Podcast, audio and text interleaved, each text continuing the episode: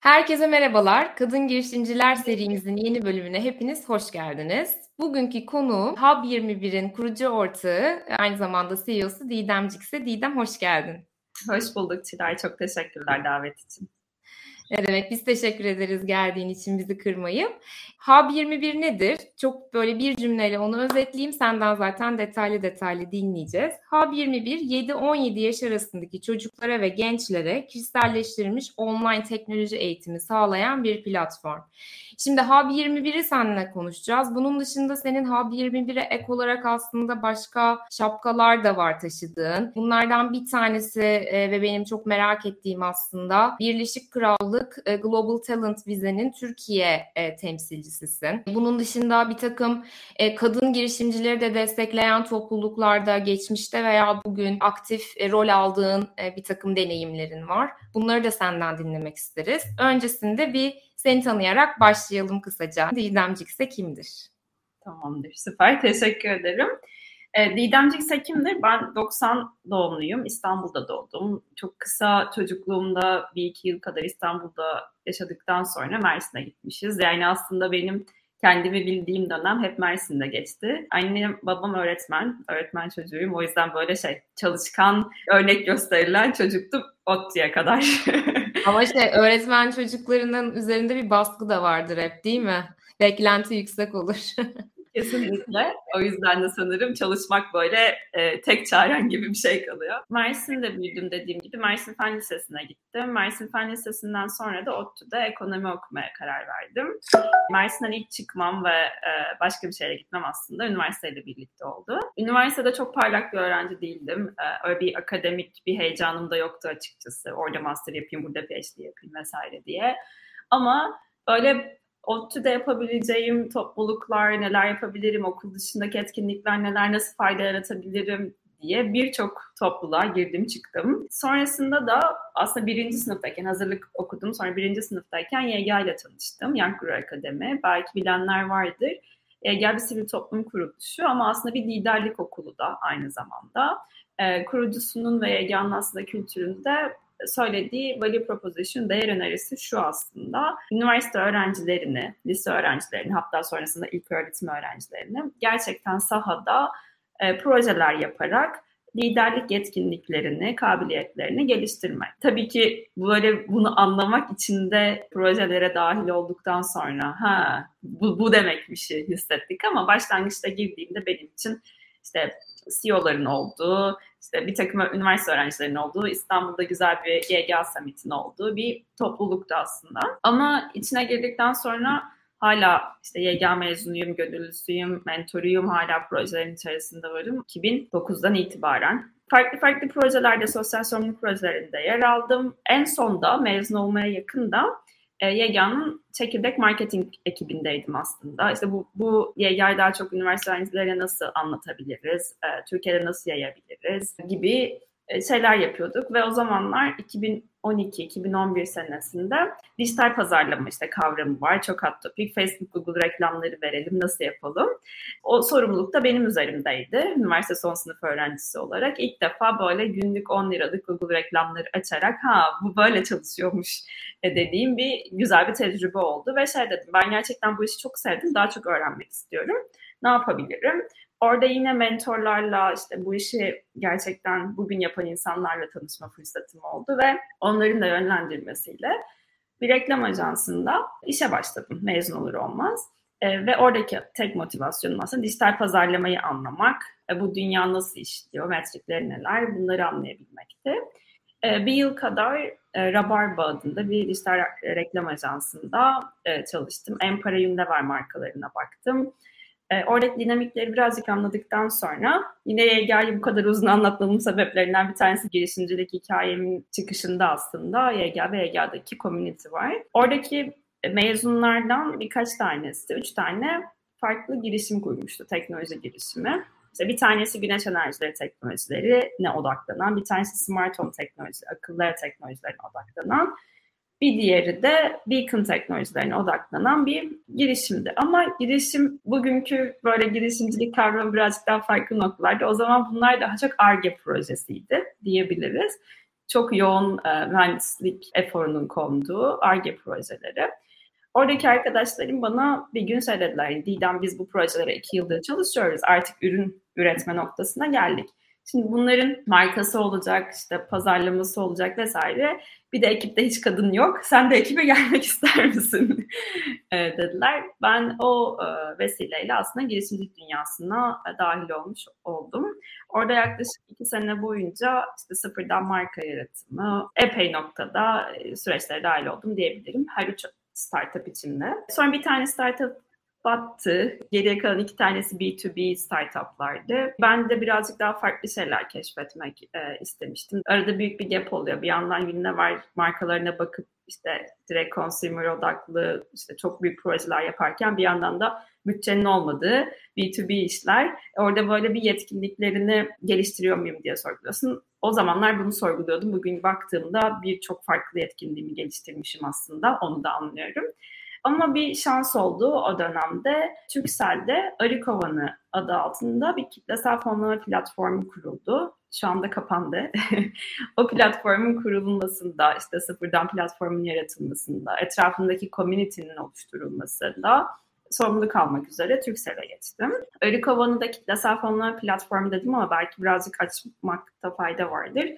Kitlesel fonlama dünyada Kickstarter, Indiegogo gibi platformların liderlik ettiği yeni bir fikri olan birisinin işte ben bu fikri hayata geçirmek istiyorum. E, bunu da kitle desteğiyle hayata geçirmek istiyorum dediği kitlelerden yani sadece bir yatırımcıdan bir milyon TL değil ama e, bir milyon kişiden birer TL olarak aynı parayı topladı ve hani girişimin hayata geçirmek için kullandığı bir bir yöntem. O dönemlerde Türksel teknoloji startuplarında bunun yapılması için iyi, güzel bir liderlik etti, güzel bir kapı açtı diyebilirim. 3 yıl kadar orada çalıştıktan sonra da bir erken aşama girişimlere yatırım yapan bir teknoloji fonuna geçtim. Yani bir venture capital'da çalışmaya başladım. O kısa bir dönem orada çalıştıktan sonra da Hub'u kurdum. Orada da aslında hem fonun büyümesi, fonun marketingi e, ve komünitesinin oluşturulması, pipeline yaratma, hangi startuplar işte fona sunulabilir, hangileri yatırım alabilir, ekosistemde kimler var onların takibi. Yatırım alan startupların da growth'u için desteklenecek, yapılacak şeyler var mı? Birazcık onlara bakmak ve içeriye alınmış, yatırım yapılmış startuplarla da ilişkiler kurmak gibi bir görevim vardı. 10 ay kadar çalıştım orada da. Bir yandan da girişimcilik ekosisteminde farklı alanlarda yer aldığım için böyle bir yıllar içerisinde bir know-how biriktirmiş olmuştum aslında. Bunun farkında değildim çok fazla ama sonrasında bahsettiğim farklı şapkalara hani beni yönlendiren hem girişimci olarak çalışmam hem bir platform yöneticisi olarak çalışmam hem fon tarafında aktif görev almam ve yatırımcıların nasıl düşündüğünü analiz edebilme, anlama ihtimalinin olması bende böyle bir bilgi birikimi oluşturdu aslında. O yüzden Hub'ın ilk kurulum aşamalarında da şansım farklı farklı firmalarla çalışmakta oldu. Bir dönem danışmanlık da verdim. Kurum içi girişimcilik danışmanlığı verdim. Bir dönem e, sosyal girişimlere danışmanlık verdim. Aslında benim çok savunduğum bir şey. Hani sosyal girişim deyince artık o değişti bence.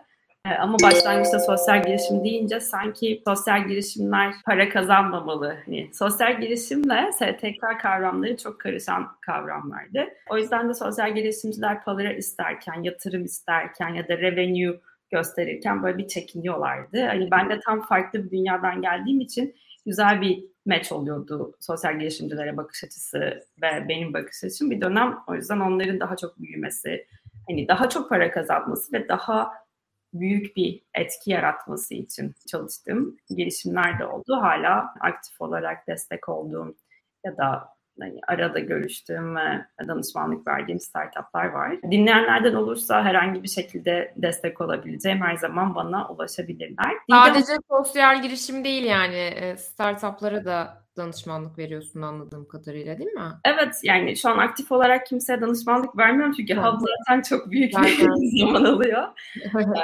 Ama çok sevdiğim bir şey çünkü hani neden sevdiğimi de söyleyeyim. Geçtiğimiz yaklaşık 10, 10 yılım aslında bu ekosistemde farklı yerlerde geçti. Tek bir şey var beni motive eden. Şikayet etmekten uzak, her zaman çözümle gelen ve bildikleri şeyleri paylaşmaktan çok mutlu olan bir community var aslında founder community'si. O yüzden burada olmak, onları desteklemek, bilgi paylaşımı yapmaktan çok e, büyük keyif alıyorum. Değer katabildiğim birisi olursa her zaman elimden geldiğince destek olmaya çalışırım. O zaman Hub 21'e nasıl geçtin? Girişimcilik ekosistemindeydin ama kendi girişimini kurmak tabii ki bambaşka bir şey. Hem artık tamam ben bunu kendim yapmalıyım, ben girişimci olmalıyım dediğin nokta nasıl geldi ve neden Hub 21 oldu? Fikir nasıl çıktı, nasıl gelişti? Ben artık kendim bir şey yapmalıyım nasıl geldi? Aslında Ali Kova'nın da bir kurumsal şirkette çalışıyor olmama rağmen bizim yapımız böyle bir girişim gibiydi gerçekten. Hiyerarşinin biraz daha dışında, daha yenilikçi, bir sürü de zorluğu getiren çünkü kurumda olmayan bir yapı olduğu için daha çok challenge olan da bir işti ama gördüğüm şey 3 yılın sonunda sıfırdan bir şey yaratmıştık. Yani o bir şey bir marka, bir community, bir platform yani ve birçok startup'ın da fonlanmasına, hayata geçirilmesine aracılık etmiş bir platform oldu.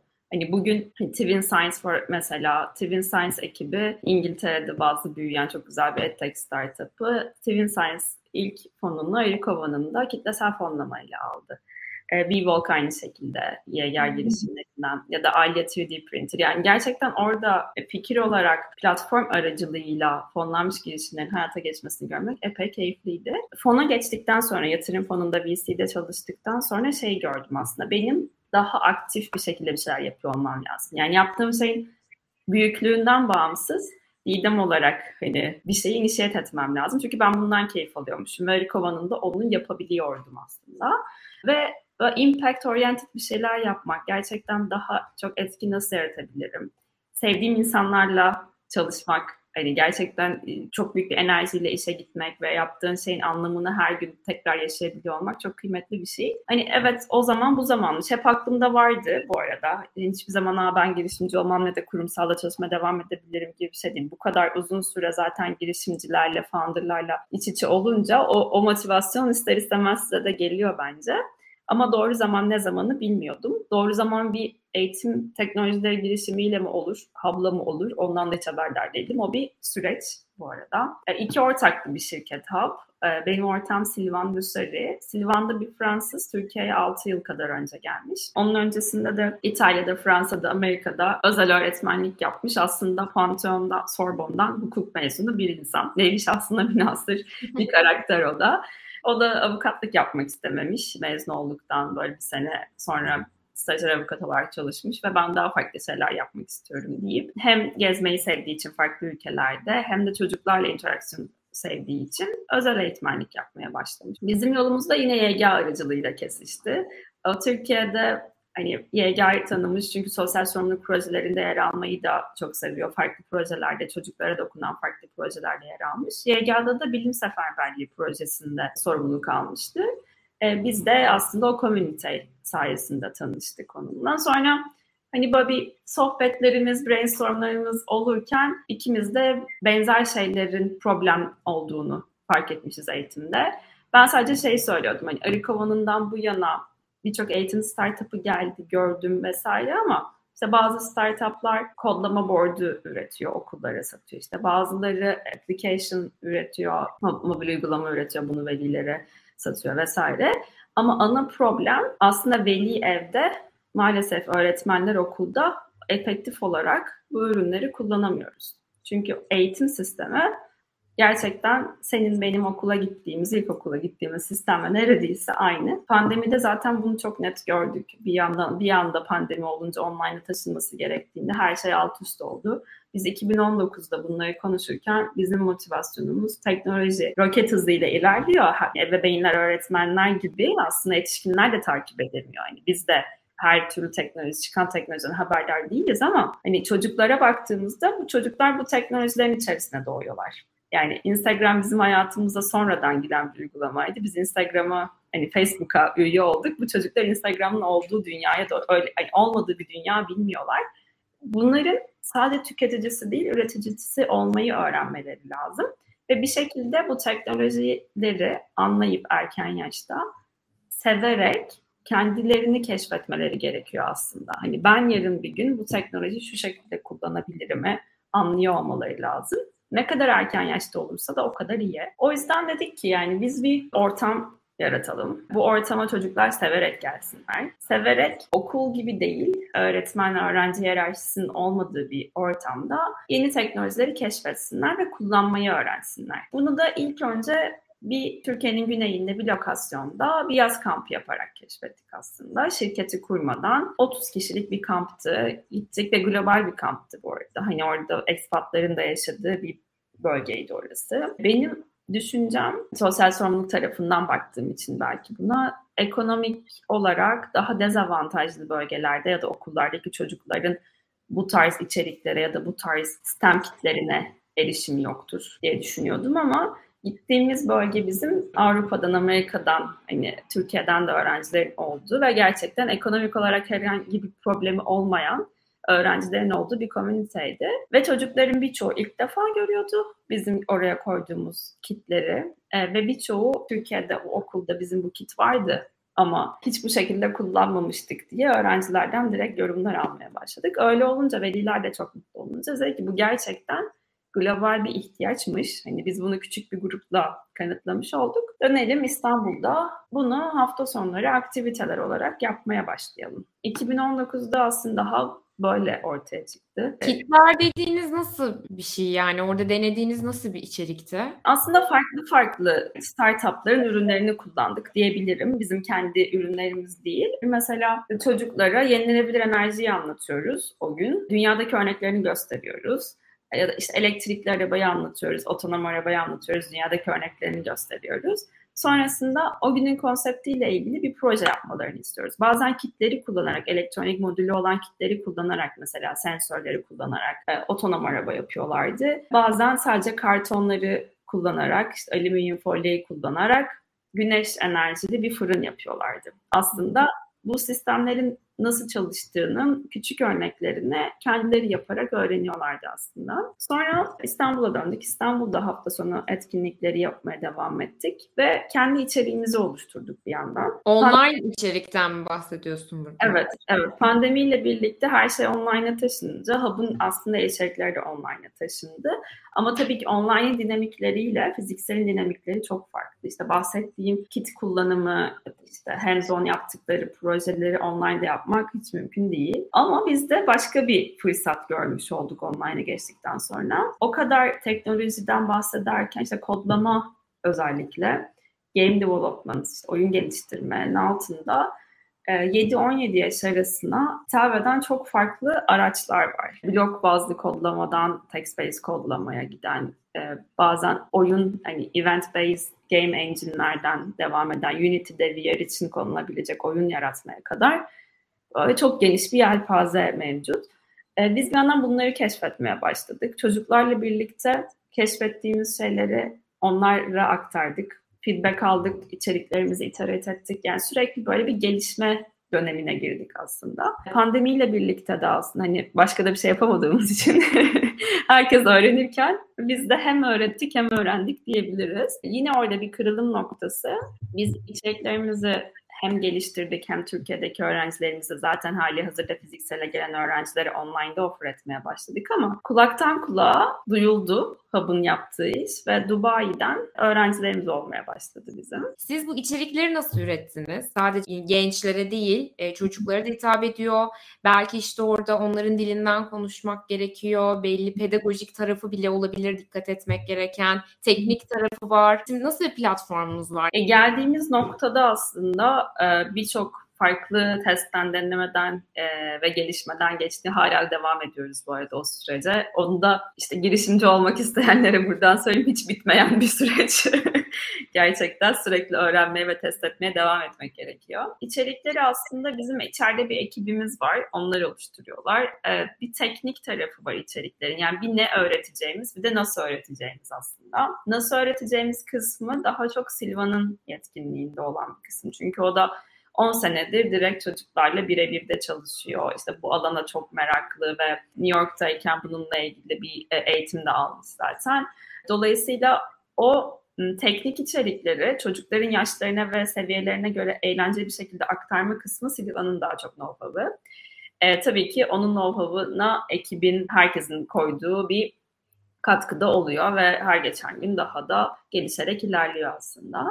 Teknik tarafta da belki şey söylemekte fayda var. Bizim eğitimlerimiz nasıl işliyor şu anda? Online'da, online birebir, online bire üç küçük gruplarda canlı öğrenciyle eğitmenin bir araya geldiği eğitimler yapıyoruz aslında. Ee, böyle pre-recorded videolar vesaire yok şu anda sistemde. Gerçekten insanın özellikle erken yaşta gerçek insanların eğitim sürecine dahil olmasının çok önemli bir parçası olduğunu düşünüyoruz bu öğrenme sürecinin. O yüzden de eğitmenler merkezli, içerik merkezli e, yöntemimiz var. Eğitmenlerimiz de öğretmen değil ama üniversitelerde, iyi üniversitelerde, ilgili departmanlarda okuyan, 3. 4. sınıf lisans olabilir, master ya da PhD öğrencileri olabilir. Seçilmiş, train edilmiş hub'ın içerisinde eğitim görmüş. Ondan sonrasında eğitmen olmaya hak kazanmış olan ekip aslında. Örneğin hmm. ODTÜ'de bilgisayar mühendisliği okuyan birisi bize başvuruyor. Başvuru yaptıktan sonra ne öğretmek istediğini soruyor. Mesela ben Python biliyorum, Python öğretmek istiyorum. Python'u 12 yaştan sonrasını öğretebiliyoruz.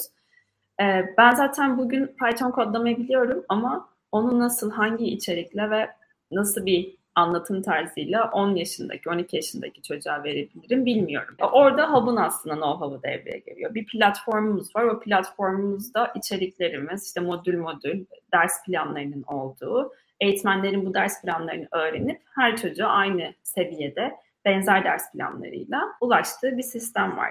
Ama bir yandan şeyi de çok önemsiyoruz. Yani diyet yaparken e, herkes aynı diyeti yapamaz ya aslında öğrenirken de o şekilde. O yüzden kişiselleştirilmiş bir yolculuk bu diyoruz. Sadece bir programı özellikle Python öğrenmek istedim, Python öğrendim ve bitti gibi değil. Aslında sen kodlama öğrenmek ya da sen bir kodur olmak istiyorsan yaşına göre nereden başlayabilirsin? Hangi araçları kullanarak Python öğrenebilirsin? Ee, ve bunun sonrasında da nereye gidebilirsin? Yani aslında birazcık daha uzun bir journey çizmeye çalışıyoruz çocuklara. 3 senedir Hub'da ders alan çocuklar var. Neden alıyorlar? Çünkü işte 9 yaşındayken daha hiç tanışmamışken kodlamayla bizim platformumuza geldiler.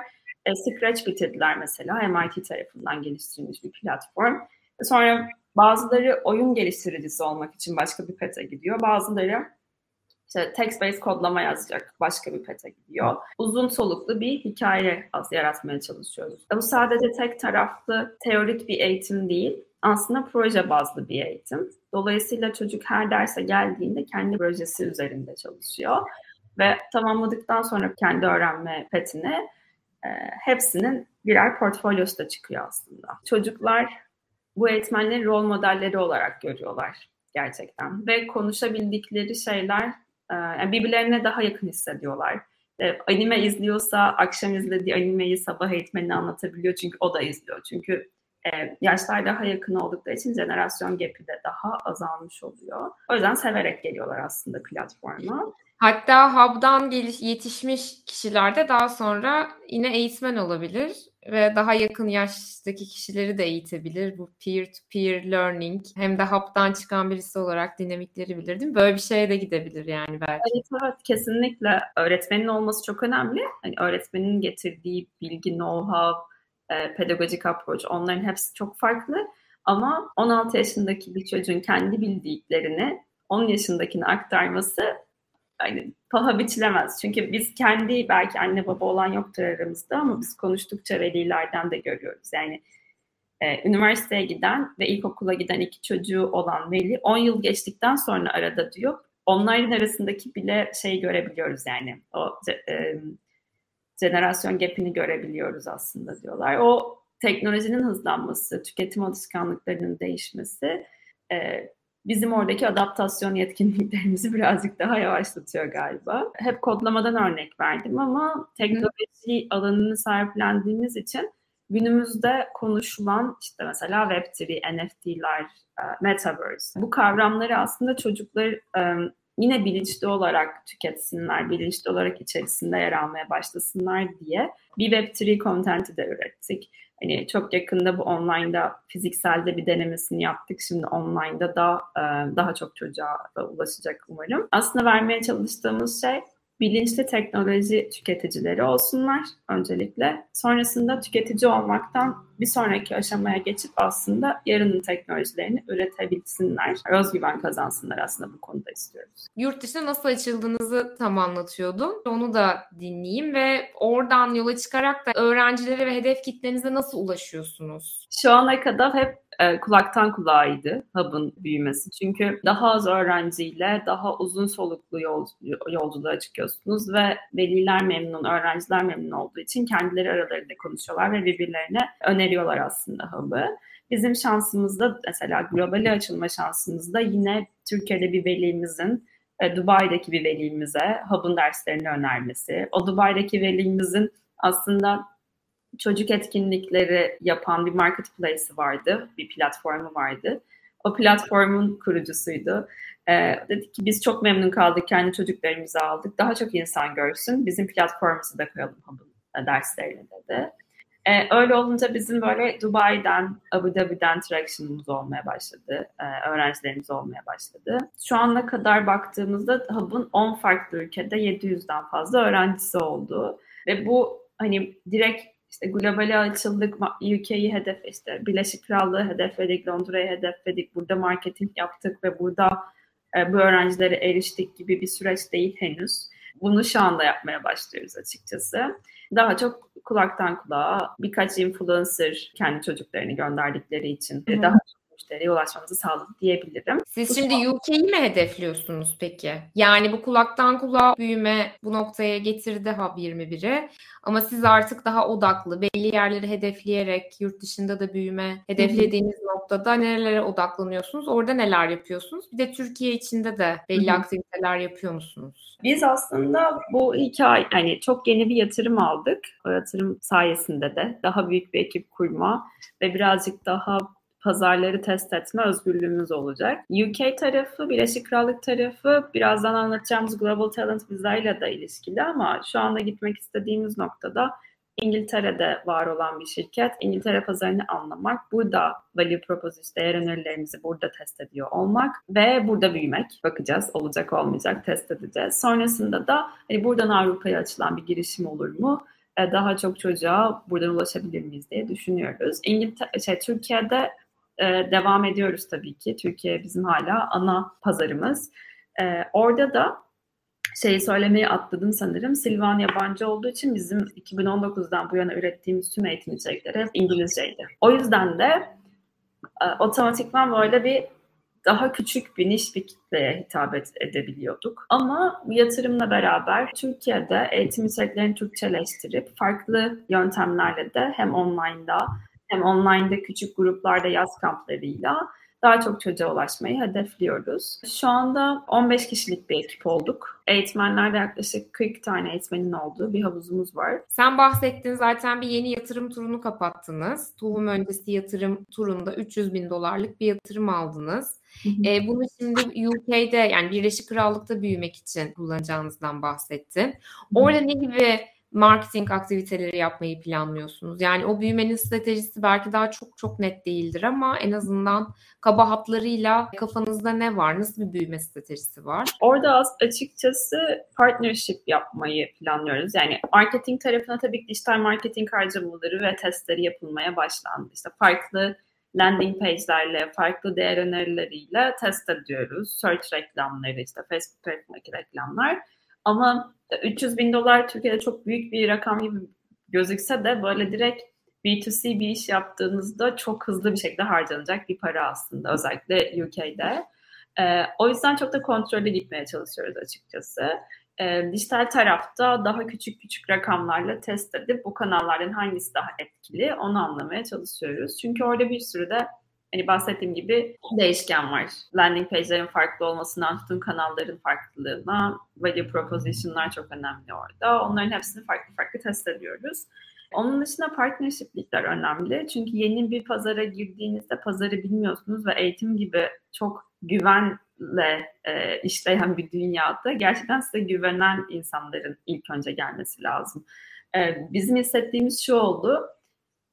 son 3 aydır bu kafadayız. Hani bunlarla ilgili sürekli düşünüyoruz. Sanki Türkiye'de ilk defa bir şey yaparmışız gibi düşünmemiz lazım. Yani çünkü Türkiye'de çalışan bazı şeyler vardı. Burada çalışmıyorlar. E, Türkiye'de neden çalışıyor diye baktığımızda e, kendi zaten başlangıçta bir first circle'ımız bize güvenmişti. Yani ilk gelen çocuklar işte Silva'nın tanıdığı, benim tanıdığım ya da bizim tanıdıklarımızın tanıdıkları falan da Friends and Family aslında güvenip gönderdi ve onlar eğitim içeriğiyle, Hub'la ilgili çok iyi şeyler konuştuğu için onların network'ü gelmeye devam etti. Ama ilk o kıvılcımı UK'de nasıl atabiliriz? Onu birazcık daha keşfetmeye çalışıyoruz. Orada da burada zaten güven inşa etmiş, hali hazırda aynı işi yapan değil ama atıyorum matematik dersi veren bir partnerle partnerlik yapılabilir mi? Çünkü onlar da farklı içerikler önermeye başlıyorlar. Burada pazarı bilen insanlarla mentorluk almak, onlarla görüşmek çok kıymetli oluyor. Ee, orada da belki küçük bir atıf yapabilirim. Ee, yine Department of International Trade'in bir şey var, programı var, Global Entrepreneur Program diye. Ee, Türkiye'de büyümüş, Türkiye'den çıkmış, İngiltere'de e, büyümek isteyen girişimlere bir soft landing programı diyebilirim. E, o programa seçiliyor, seçilirseniz eğer şirketinizi kuruyorsunuz İngiltere'de, bir hukuk danışmanınız oluyor. Kendi sektörünüzden anlayan, bizim için EdTech, EdTech plan eğitim e, danışmanlığı yapmış bir mentorunuz oluyor. Pazarısa daha iyi anlatmak isteyen. Çok değerli bir program. Hatta vize de veriyorlar içerisinde. E, şu benim anlatacağım vizeden farklı bir e, vize ama hani globale isteyen, açılmak isteyen e, girişimcilerin de ilgisini çekebilir diye onu da söylemek istedim. Siz e, niye İngiltere'yi seçtiniz peki? Ve buradan da belki bu vize muhabbetine de bağlayabiliriz. Sanırım onunla çünkü biraz alakalı olduğunu söyledin. Evet biraz alakalı. Genelde bu soru soruluyor niye İngiltere diye. Tabii ki marketle ilgili çok önemli şeyler var. Yani aslında Avrupa'ya baktığımızda hala İngiltere yatırım en büyük yatırımların, en çok yatırımların olduğu, ekosistemin en gelişmiş olduğu yer. Eğitim teknolojileri dediğimizde çok fazla şirketin çıktığı ve beslenebileceğin çok iyi bir ekosistemin olduğu e, bir yer aynı zamanda. Benim kişisel tercihlerimden bir tanesi burada arkadaşlarımın olması. Çünkü bu çok önemli bir şey gerçekten. Girişimcilikte de aynı yoldan geçmiş birilerinin aslında senin yanında olması, onlarla konuşabiliyor olman, telefonu açtığında ben bunu burada nasıl yapacağım diyebildiğim birinin olması çok kıymetli. Diğeri İngilizce. Hani buradaki dilin İngilizce olması hem daha kolay iş yapabilmemizi sağlıyor. Hem eğitim dilimiz de bizim İngilizceydi zaten. Dolayısıyla çok böyle büyük bir e, lokalizasyondan geçmeden adapte edebileceğimizi düşündük buraya. Mesela Fransa'da seçeneklerden birisiydi. Benim ortam Fransız olduğu için bürokrasi çok daha kolay ilerleyebilirdi. Çünkü o biliyor zaten ama orada benim dilim olmadığı için ve İngilizce daha az konuşulduğu için adaptasyonda daha büyük problemler olacağını düşündük. Neden Amerika değil peki? Amerika çok farklı bir dünya. Şimdi ben bir network'in üyesiyim bu arada. İşte Transcend Network diye eğitim teknoloji startuplarına odaklı bir network. O program içerisinde 19 farklı ülkeden işte founder var ama programın ana kurucuları Amerika'da e, based. Ve gerçekten şey eğitim içerikleri vesaire de hem mentorlar da aynı şekilde dünyalar tamamen farklı. Amerika zaten kıta olarak da büyük bir kıta olduğu coğrafya olarak da büyük. Hem dinamikleri hem tamamen odağını oraya vermen gereken bir yer. Diğer bir konuda zaman farkı. Yani bizim hala eğitmenlerimizin çok büyük bir kısmı Türkiye'de.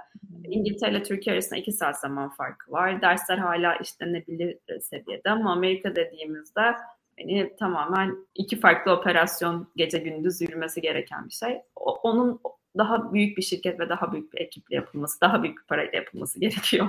İngiltere'deki şeyde gelişmelerden bir tanesi de benim vize alıyor olmamdı. Hani tam bu karar aşamasında ben Global Talent diye bir vizeye başvurdum. Global Talent vizesi de İngiltere'nin genç yeteneklere eğer işte sen dijital alanda yetenekliysen benim ülkeme gelebilirsin, benim ülkemde çalışabilirsin. Oturma izni de vereceğim, çalışma izni de vereceğim. Herhangi bir sponsorlu yani bir şirket tarafından sponsor ya da bir birey tarafından sponsor olmana gerek yok dediği bir vize çeşidi. E, Tech Nation diye bir yer tarafından veriliyor dijital taraftaki. Bu arada ben dijital odaklı anlattım ama burada şey de var. E, sanat alanında da global yetenek olabilirsin. Ya da akademik akademisyensindir, akademi tarafında da olabilirsin.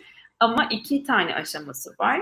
İlki Global Talent olduğuna karar veren aşama. Bu dijitaller için Tech Nation Visa diye geçiyor. Tech Nation sizin Global Talent olup olmadığınıza karar veriyor. Bir takım başvuru süreçleri var. Bununla ilgili detaylı bir yazı yazmıştım. LinkedIn profilimde var. Oradan gidip bakabilir ilgilenen arkadaşlar. O yazıyı da koyalım mutlaka linkini biz aşağıya. Hani o bizde bana çıktı. Bana çıktığı için de aslında biz dedik ki okey oklar bir ülkeyi gösteriyor.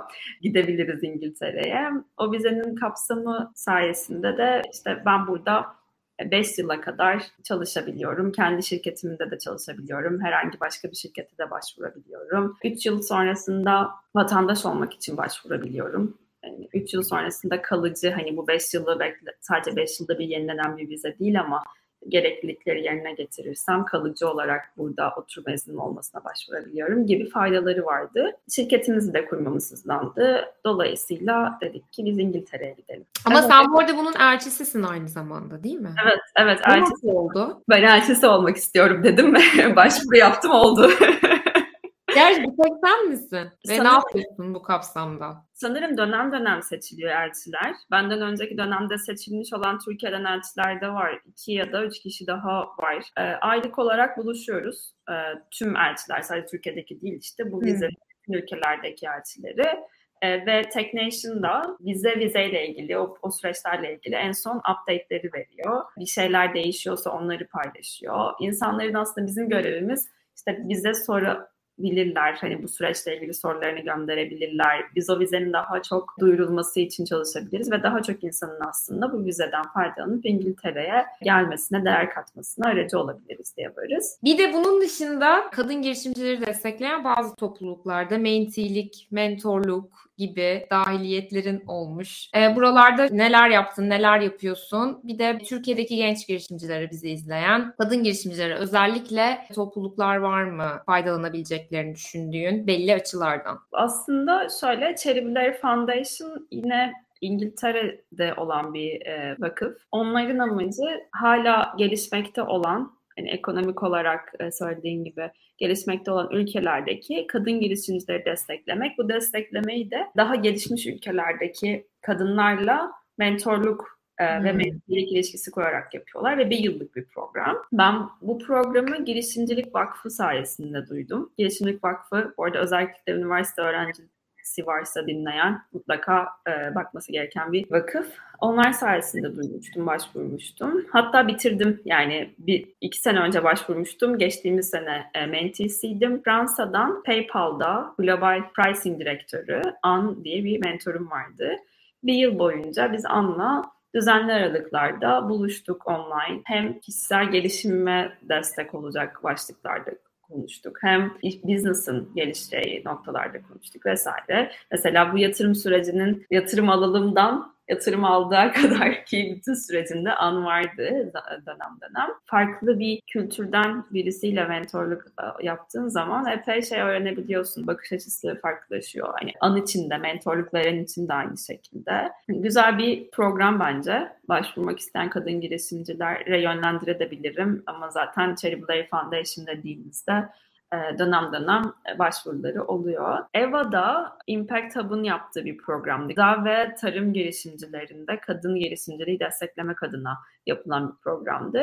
Onun da geçen e, seneydi sanırım. Orada mentorlarından birisi olarak yer aldım. Ve Kagider zaten çok duyduğumuz bir platform. O, ben direkt yer almadım komitesinde bilmiyorum ama bir bakılabilir.